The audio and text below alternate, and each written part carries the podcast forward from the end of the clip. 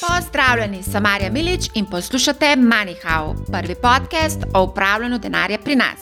Preden skočimo na četrti del posebne serije epizod o finančni vzgoji otrok in pa finančni preuzgoji staršev, na kratko povzemimo prve tri dele. V prvem delu sem opozarjala pred balonom na področju finančnega opismenjevanja, v drugem delu pa tudi, kako se finančno izobraževanje začne doma za zaprtimi vrati, že v sami zipki in kako moramo tudi starši poskrbeti za lastno finančno preuzgojo. V tretjem delu smo govorili o tem, kako v bistvu predajati finančno znanje otrokom in kako si pri tem pomagati z različnimi pripomočki, eh, ter zakaj je koncept virtualne valute bliže otrokom kot pa v bistvu staršem. V četrtem delu pa boste spoznali osnove osebnih financ, ki jih mora seveda poznati otrok pri določeni starosti, oziroma še bolje, kaj mora vedeti o financah starš pri določeni starosti otroka. Saj je starš tisti, ki je zadolžen za predajanje tega znanja. Nekaj smo omenili že v prejšnjih epizodah, še zlasti v tretji, kjer smo rekli, da je v prvi vrsti zgled tisti, ki nekako motivira otroke k pridobivanju tega znanja in je tudi, seveda, konec koncev tudi ključno pri sami finančni vzgoji. Torej, največ se otroci naučijo z gledom, zato pogovor o denarju ne sme biti tabu tema. Vprašanje pa seveda je, kdaj je pravi čas, da se začnemo z otrokom pogovarjati o denarju. Tako kot sem že omenila v prejšnji epizodi, najbolj primeren čas je takrat, ko v bistvu otrok pokaže prve znake interesa, ko pokaže zanimanje za to vrstno tematiko. Vendar to ne pomeni, da o tem um, svetu, finančnem svetu, ne govorimo in ga ne spodbujamo z vprašanji, če seveda ne izrazi tega interesa. Omenili smo tudi že, kako v bistvu starši nekako nezavedno predstavijo svet financ otrokom, že z prebiranjem pravljic, ki prikazuje bogate plemiče in revne podložnike, in tu v bistvu se skriva že prva lekcija financ s pogovorom o pravljici, da vidimo, kako v bistvu otrok razume ta pravlični svet. Skozi te pravljice lahko otroke učimo tudi o tem, da je količina denarja omejena. Zato, ko vam bo otrok naročil, da greste po denar na bankomat za nakup neke igračke. Um, nekako bankomat vidijo kot čudežno škatlo, ki pljuva denar, in takrat je pravi čas, da mu razložite, da je bankomat le bližnjica do banke in da je denar, ki pride ven, v bistvu vaš in odvisen od tega, koliko ga imamo na bančnem računu. Če hočemo otroka učiti, kako se upravlja denar, mu ga moramo v prvi vrsti tudi dati. To je tako, kot bi otroka učili voziti kolo brez kolesa.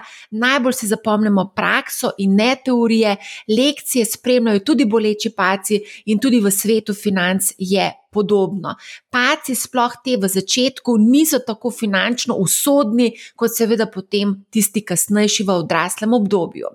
Torej, najprej začnemo z nekaj evri, ko je otrok star par let in mu jih izročimo za nakup pekovskega peciva ali sladoleda ali česa podobnega. Samo zavest bo otroku zrasla, samo denar prinaša svobodo odločanja. Tudi staršem konc koncev denar prinaša svobodo pri sprejemanju odločitev. Najbolj pomembna stvar je, da v bistvu otrok spoznava vrednost denarja, kaj lahko z denarjem kupi in česa seveda z denarjem ne more kupiti. Večina prvih lekcij o financah se zgodi pravzaprav še preden stopimo v trgovino. Torej, preden gremo v trgovino, je potrebno načrtovanje, kaj potrebujemo, zakaj sploh gremo v trgovino. V trgovini na nas preži cel kup nekih izkušnjav, in da se tudi starši nekako izognemo tem izkušnjavam, je priporočljivo sestaviti nakupovalni seznam. Tega lahko sestavite skupaj z otrokom, tako da otrok preverja, ali imate dovolj mleka v hladilniku, praška, krompirja in tako dalje. Tako ga v bistvu vključite v gospodinstvo in malčki v bistvu zares tudi v tem uživajo. Ko stopite v trgovino, pa se začne tudi pot skušnjav. Tudi v trgovini kupujte tisto, kar potrebujete. Nakupovalni listek vam bo pomagal ostati na pravi poti. Otrok v trgovini spozna, da ima vsak izdelek svojo ceno. Pogovarjajte se o tem, koliko kaj stane, zakaj nek artikel potrebujemo in zakaj smo se odločili za enega in ne drugega. To so izredno pomembne lekcije, ki seveda lahko potem tudi otroku pomagajo pri sprejemanju večjih finančnih odločitev, potem, ko bo starejši. Na tej točki pa bi rada opozorila na eno zadevo, ki jo številni starši ne razumejo ali pa ne upoštevajo, ko kupujajo določene artikle v trgovini. In sicer gre za koncept cene na enoto izdelka. Poglejmo na primeru praška za pranje. Ena vreča stane 12 evrov, druga 15 evrov. Zakaj je včasih ceneje, če vzamemo na prvi pogled dražji prašek, torej tistega, ki stane 15 evrov? Ja, vse skupaj je odvisno od števila kapsul v vreči. V vreči, ki stane recimo 12 evrov, imamo 30 kapsul, kar nanese nič cela 4 evra na kapsulo.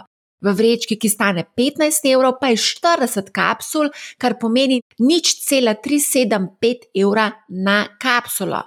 Torej, v drugem primeru dobite več za manj denarja, če seveda preračunamo ceno na enoto. Ko boste gledali ceno katerega koli izdelka, vedno preverite ceno na enoto, ki prav tako mora biti navedena na etiketi, če tudi je izdelek znižan. Malčki tega koncepta ne bodo razumeli, starejši otroci pa. Torej, cena na enoto. Karkoli kupujete, vedno pogledajte ceno na enoto. Drugo vprašanje, ki ga pogosto dobim, je tudi, kdaj otroku damo žepnino v smislu, da mu mesečno nakazujemo oziroma izročamo denar. Če berete razne knjige o financah, boste hitro opazili, kako se v bistvu avtori precej ponavljajo in sicer trdijo, da v starosti med sedmim in devetim letom. Moje mnenje je malce drugačno. Že danes namreč vemo, da bomo želeli finančno pomagati otroku, ko bo stopil na samostojno pot.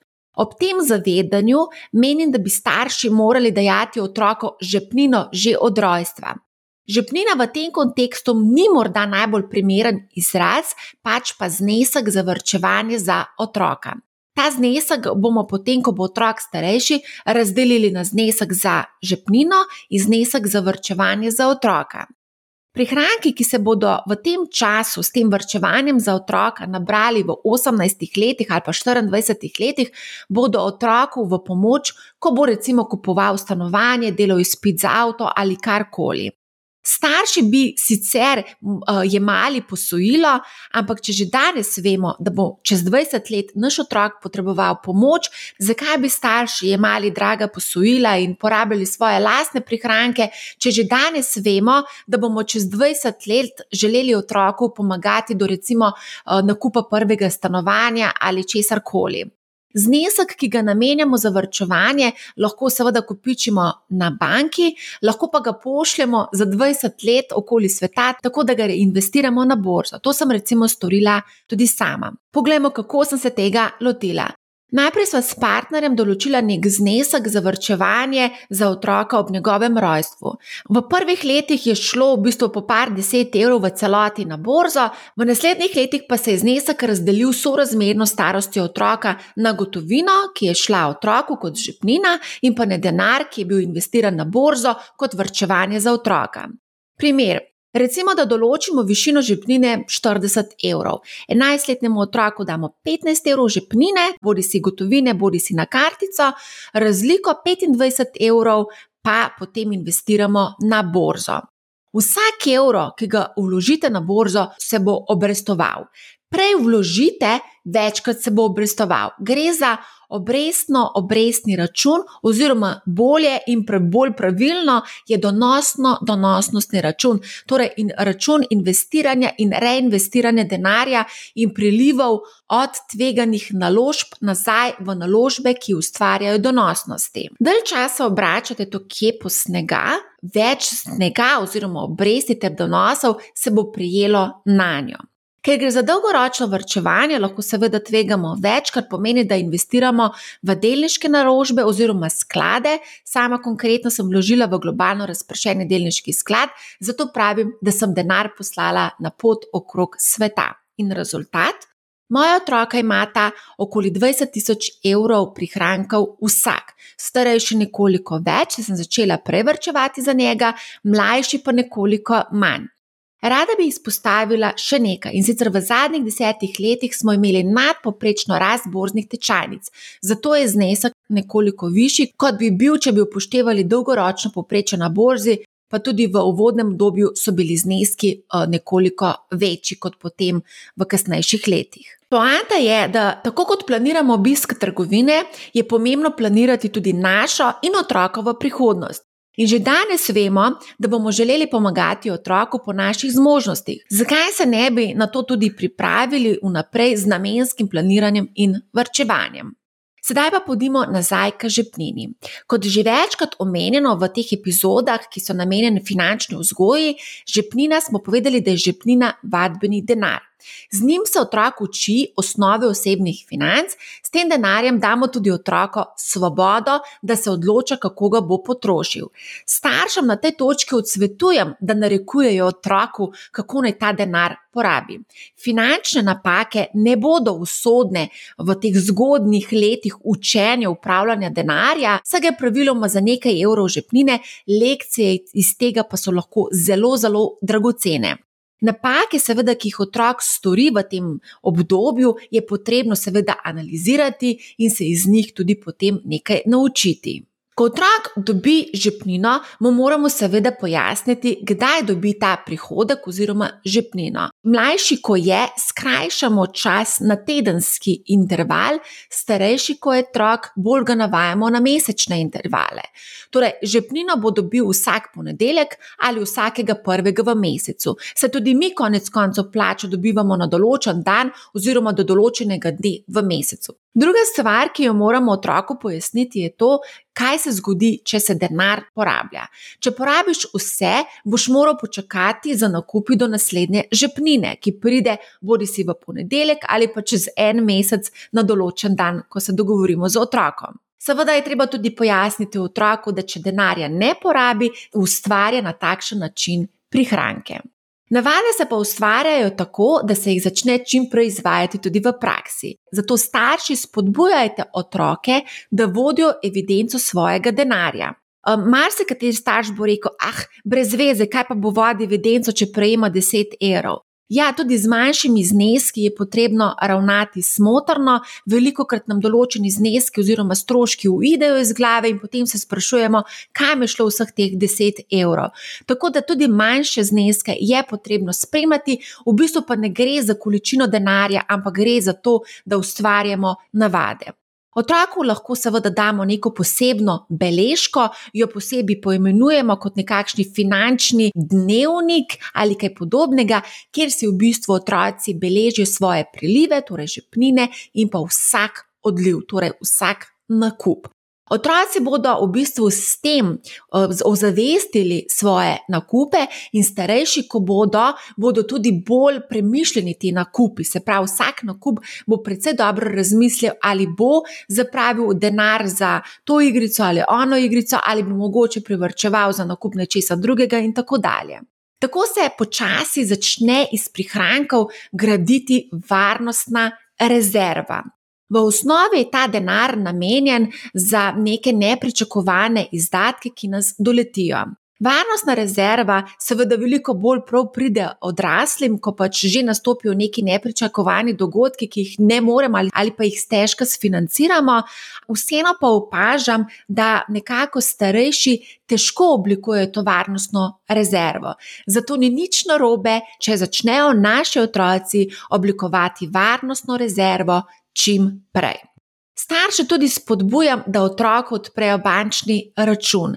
Glede na to, da je tudi v času korona krize brezgotovinsko poslovanje doživelo praktično pospešek, glede na pobude po digitalnem evru, je prav, da otroka navajamo tudi na plačevanje s kartico prve lekcije lahko recimo si nekako usvojijo ali se pobliže spoznajo s kartičnim poslovanjem preko igre Monopoly, ultimativno bančništvo. O tem sem že govorila nekaj v prejšnji epizodi in sicer o dojemanju gotovine oziroma plastičnega denarja. Tako da predlagam, da prisluhnete tudi temu. In seveda, poanta je, da v bistvu tudi samo imetništvo kartice prinaša neke odgovornosti. Poleg tega ima otrok denar na ta način na enem mestu, s tem pa se izogne tudi temu, da bi denar izgubil, uničil in podobno.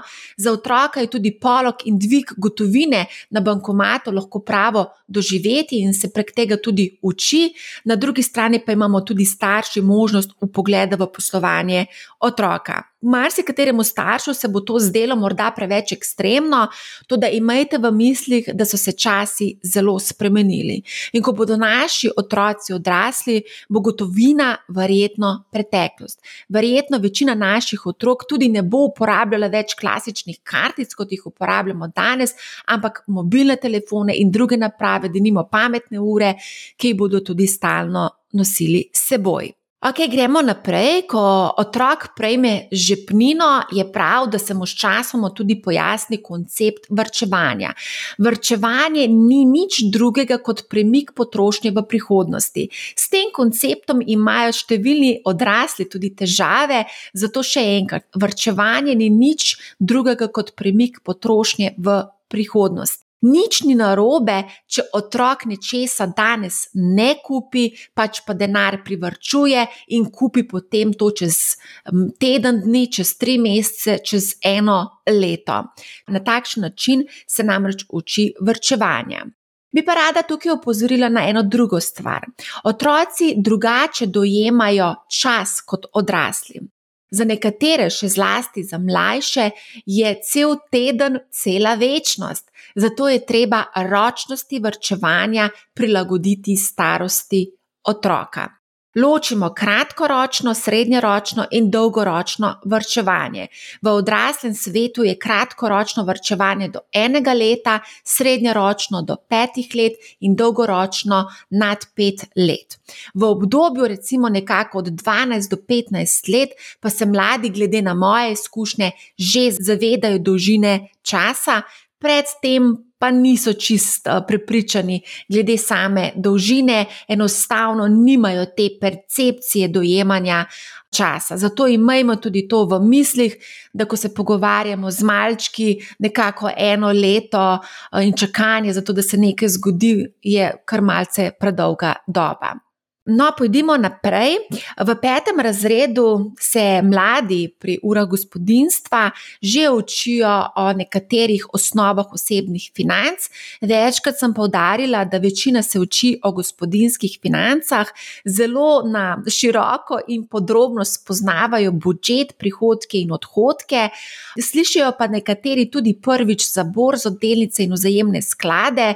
Opažam pa, da številni učitelji imajo tukaj tukaj precej veliko zadrego s pojasnjevanjem, ker tudi sami v bistvu nimajo izkušnje z nakupi vzajemnih skladov, delnic, odpiranjem trgovalnih računov in na splošno borzo slišim dosti krat, da nekako zahtevajo od učencev, da se na pamet napifljajo tisto definicijo, ki je navedena v knjigi.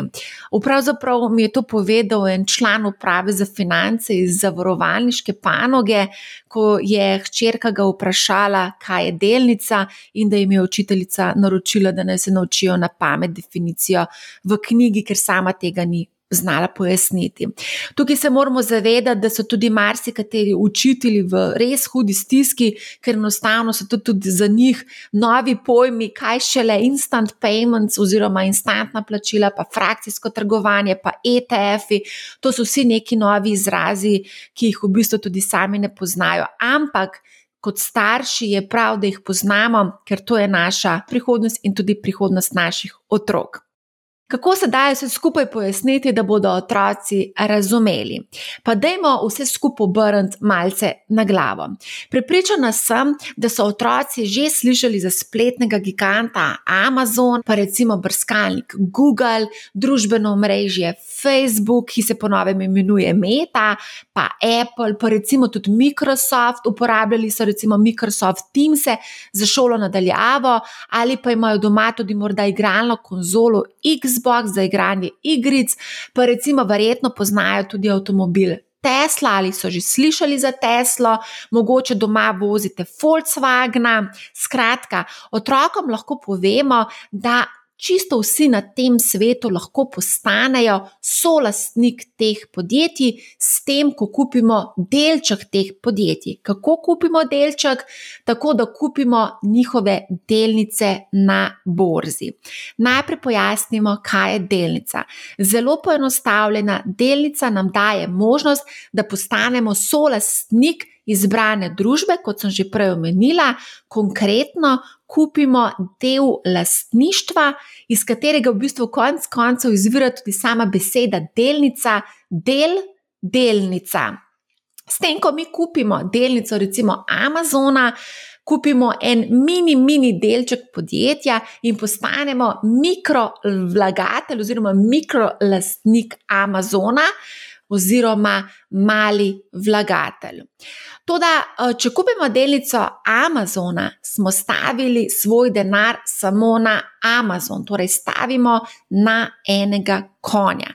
To zna biti precej tvegano. Kaj pa, če Amazon nekoč zaide v težave ali izredno slabo posluje, ali se zgodi nekaj, kar bi v slabo voljo spravilo kupce po celem svetu in se bodo ti pritoževali, in posledično bo to vplivalo tudi na poslovanje te družbe. Vse te težave lahko vplivajo na vrednost delnice Amazona. Mi smo recimo v nekem trenutku kupili Amazon za 100 enot, potem se zgodi nekaj slabega in zaradi tega vrednost delnice upade na recimo 50 enot. To pomeni, da kot vlagatelj izgubimo 50 enot, torej imamo 50 enot manj kot takrat, ko smo kupili delnico. Lahko pa se zgodi obratno, podjetje odlično posluje in potem je vredno 150 enot, to pomeni, da smo zaslužili 50 enot. Delnica Amazona stalno niha, nikoli ni primerov in nikoli ne vemo, kakšna bo vrednost ene delnice v prihodnosti. Vendar tudi v trgovini, konc koncev, ne vemo, koliko bo stal kruh, recimo, čez eno leto. Marsikdo bo na tej točki rekel, da se mu zdi nakup ene delnice Amazona preveč tvegano, da mu ni všeč ta negotovost. Babica bi temu rekla, da ni vseh jajc dobro nositi v eni košari, ker če tečete z košaro v roki, se spotaknete, padete, se lahko večina jajc v košari razbije. Rešitev v tem primeru za nas, ki pač še ne želimo izpostaviti takšnemu tveganju, je, da razporedimo denar na več košaric. V tem primeru govorimo o skladu, investicijskem skladu. V skladu so vključene delnice različnih podjetij, kot so recimo Amazon, Google, Facebook, Snapchat, Microsoft in še sto ali tisoč drugih delnic. V tem primeru je tveganje manjše, kot če stavimo na enega konja. Pa dajmo še bolj poenostaviti, recimo, da pride do viharja na borzi. V primeru viharja bo naša naložba v skladu lažje prebrodila težave kot naložba v eno samo delnico. To se najlažje predstavljamo z razburkanim morjem. Denimo na supu se boste v primeru nevihte. Prej prevrnili, kot recimo na ladji, ki je ustvarjena, da kljubuje tudi višjim valovom. Sub je v tem primeru delnica, ladja pa je sklad. Delnico in sklade kupujemo na borzi. Borza, kot sem že pojasnila v prejšnjih epizodah, je danes najbližje veliki spletni tržnici ali mobilni trgovini, ker se na mesto igric in ostalih stvari kupujejo delnice ali skladi. Obstaja pa več borz. Najbolj pomembne so tiste v svetovnih finančnih prestolnicah, kot so New York, London, Hongkong, Frankfurt, Pariz, Amsterdam, obstajajo po celem svetu, tudi v Ljubljani. Če boste kdaj potovali po raznih teh prestolnicah, Obiščite tudi, če boste imeli, seveda, priložnost, obiščite tudi borze. Ena najbolj znanih je, seveda, v New Yorku da gremo lahko, seveda, svojo, svojo košaro po nakupih na vse te elektronske tržnice, pa moramo najprej odpreti račun, ki nam daje dostop do vseh teh tržnic. Račun odpremo pri borznem posredniku oziroma brokerju in trgujemo preko trgovalnih platform ali pa denimo pri družbi za upravljanje premoženja. Podobno je odpiranju bančnega računa. To, da časi so se spremenili, eh, danes obstajajo tudi kriptovalute, ki jih pa ne moremo zanemariti. V prejšnjih epizodah sem že omenila, da 12-letniki trgujejo s kriptovalutami, prav tako vsi mladi, ki so prisotni na družbenih omrežjih ali na YouTubu ali TikToku, slejko prej pridejo v stik s to vsebino. Kaj pa morajo mladi vedeti konkretno o kriptovalutah? Vedeti morajo, da gre za virtualno valuto, s katerimi se trguje podobno kot z delnicami na borzi oziroma kriptomenjalnici. Prav tako je potrebno odpreti račun na eni od kriptomenjalnic, tudi tveganja so tukaj precej večja kot pri nakupu delnice ali sklada, saj digitalne valute precej bolj nihajo in so dnevna nihanja tudi do 10 in 20 krat večje kot pri delnicah. Recimo, Vprašala sem tudi mojega 11-letnega sina, kako razume kriptovalute. Pojasnil je, da pozna Bitcoin in Dogecoin, ter da gre za elektronski denar, ki je podoben denarju, ki ga ima na bančni kartici, ampak da se vrednost precej spreminja in da na začetku Bitcoin ni bil toliko vreden kot je danes, danes pa je vreden približno 50 tisoč evrov. Za Dogecoin pa pravi, da je podoben Bitcoinu, a da je vreden precej manj. Podobno kot odrasli, tudi 11-letnik dojema kriptovalute, predvsem skozi astronomsko rast. To vrstnim vsebinam se je, da nimo na YouTubu, ki mu naši otroci dobesedno ne morejo ubežati, skoraj nemogoče izogniti. V prejšnji epizodi pa sem tudi navedla še dodatne razloge, zakaj otroci drugače razumejo in dojemajo virtualne valute nasploh. Zdaj, tudi eno od vprašanj, ki jih pogosto prejemam, je ta, katere izdelke naj mladi financirajo eh, z žepnino. Kot že omenjeno, je žepnina vadbeni denar, zato je dobro vključiti čim več nakupov, ki jih bodo izvajali kot odrasli. S tem denarjem gredo lahko s prijatelji na pico ali v kino, lahko si kupijo knjigo, obleko, lahko ga seveda tudi vrčujejo. Trošenje pa seveda tudi odvisno od tega, kje se otrok giblje in kaj počne. Staršem najstnikov, ki želijo bolj zmogljiv, pameten telefon ali računalnik, pa svetujem, da jih spodbudijo k študentskemu delu.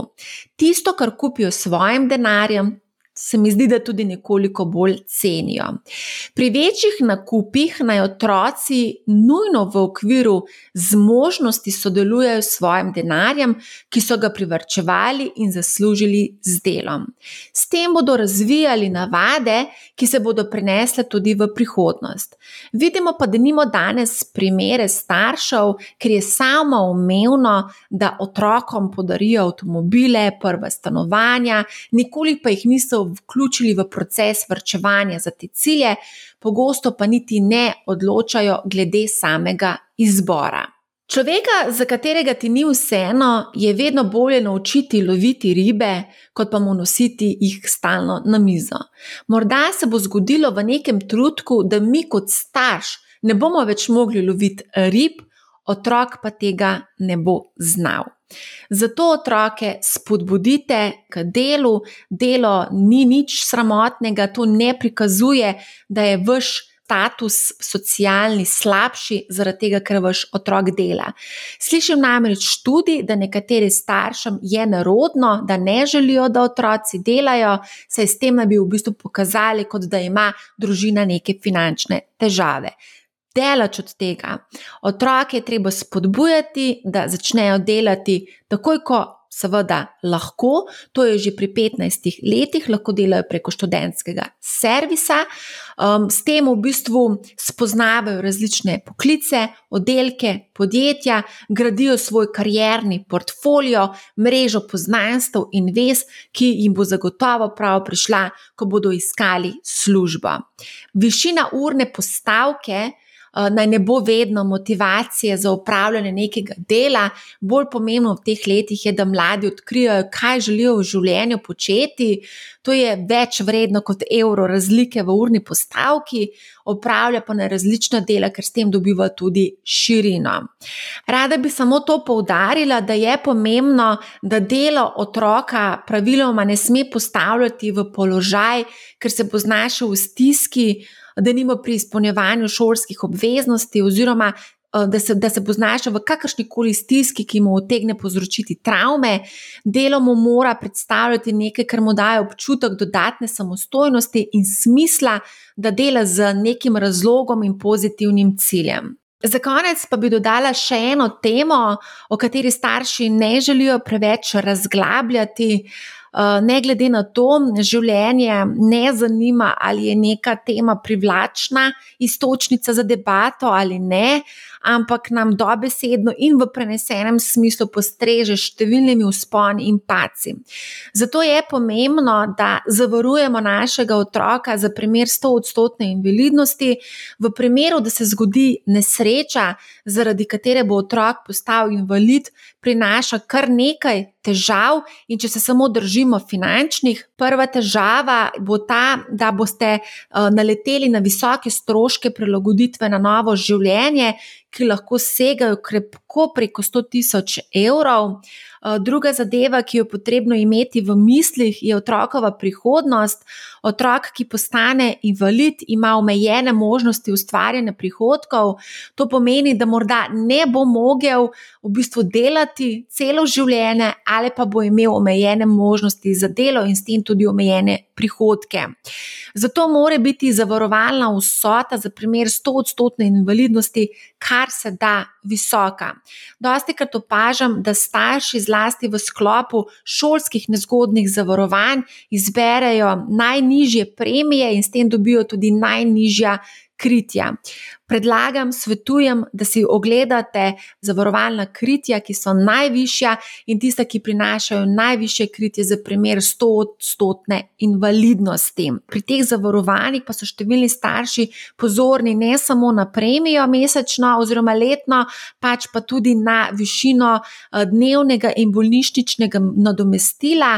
Ti dve nadomestili sta izredno, izredno dragi, otrok pa jih ne potrebuje kot staršu po odsotnost od dela za skrb zaradi bodi si bolezni ali nezgode, eh, krije eh, zdravstveno zavarovanje. Prav tako nekaterim staršem, prodajalci finančnih produktov, uspejo prodati draga zavarovanja za primer smrti otroka, Um, a še enkrat, v, primeri, v primeru smrti otroka ne bo prišlo do smrti osebe v družini, ki ustvarja dohodke, ne predstavljam pa si, kako bo dodaten denar pomagal pri prebolevanju bolečine izgube otroka. Sliši se zelo brutalno, ampak tako to je. Torej, če pozamem, otroku dajte žepnino, da se bo naučil ravnanja z denarjem. Z otrokom se pogovarjajte o denarju in o upravljanju tega.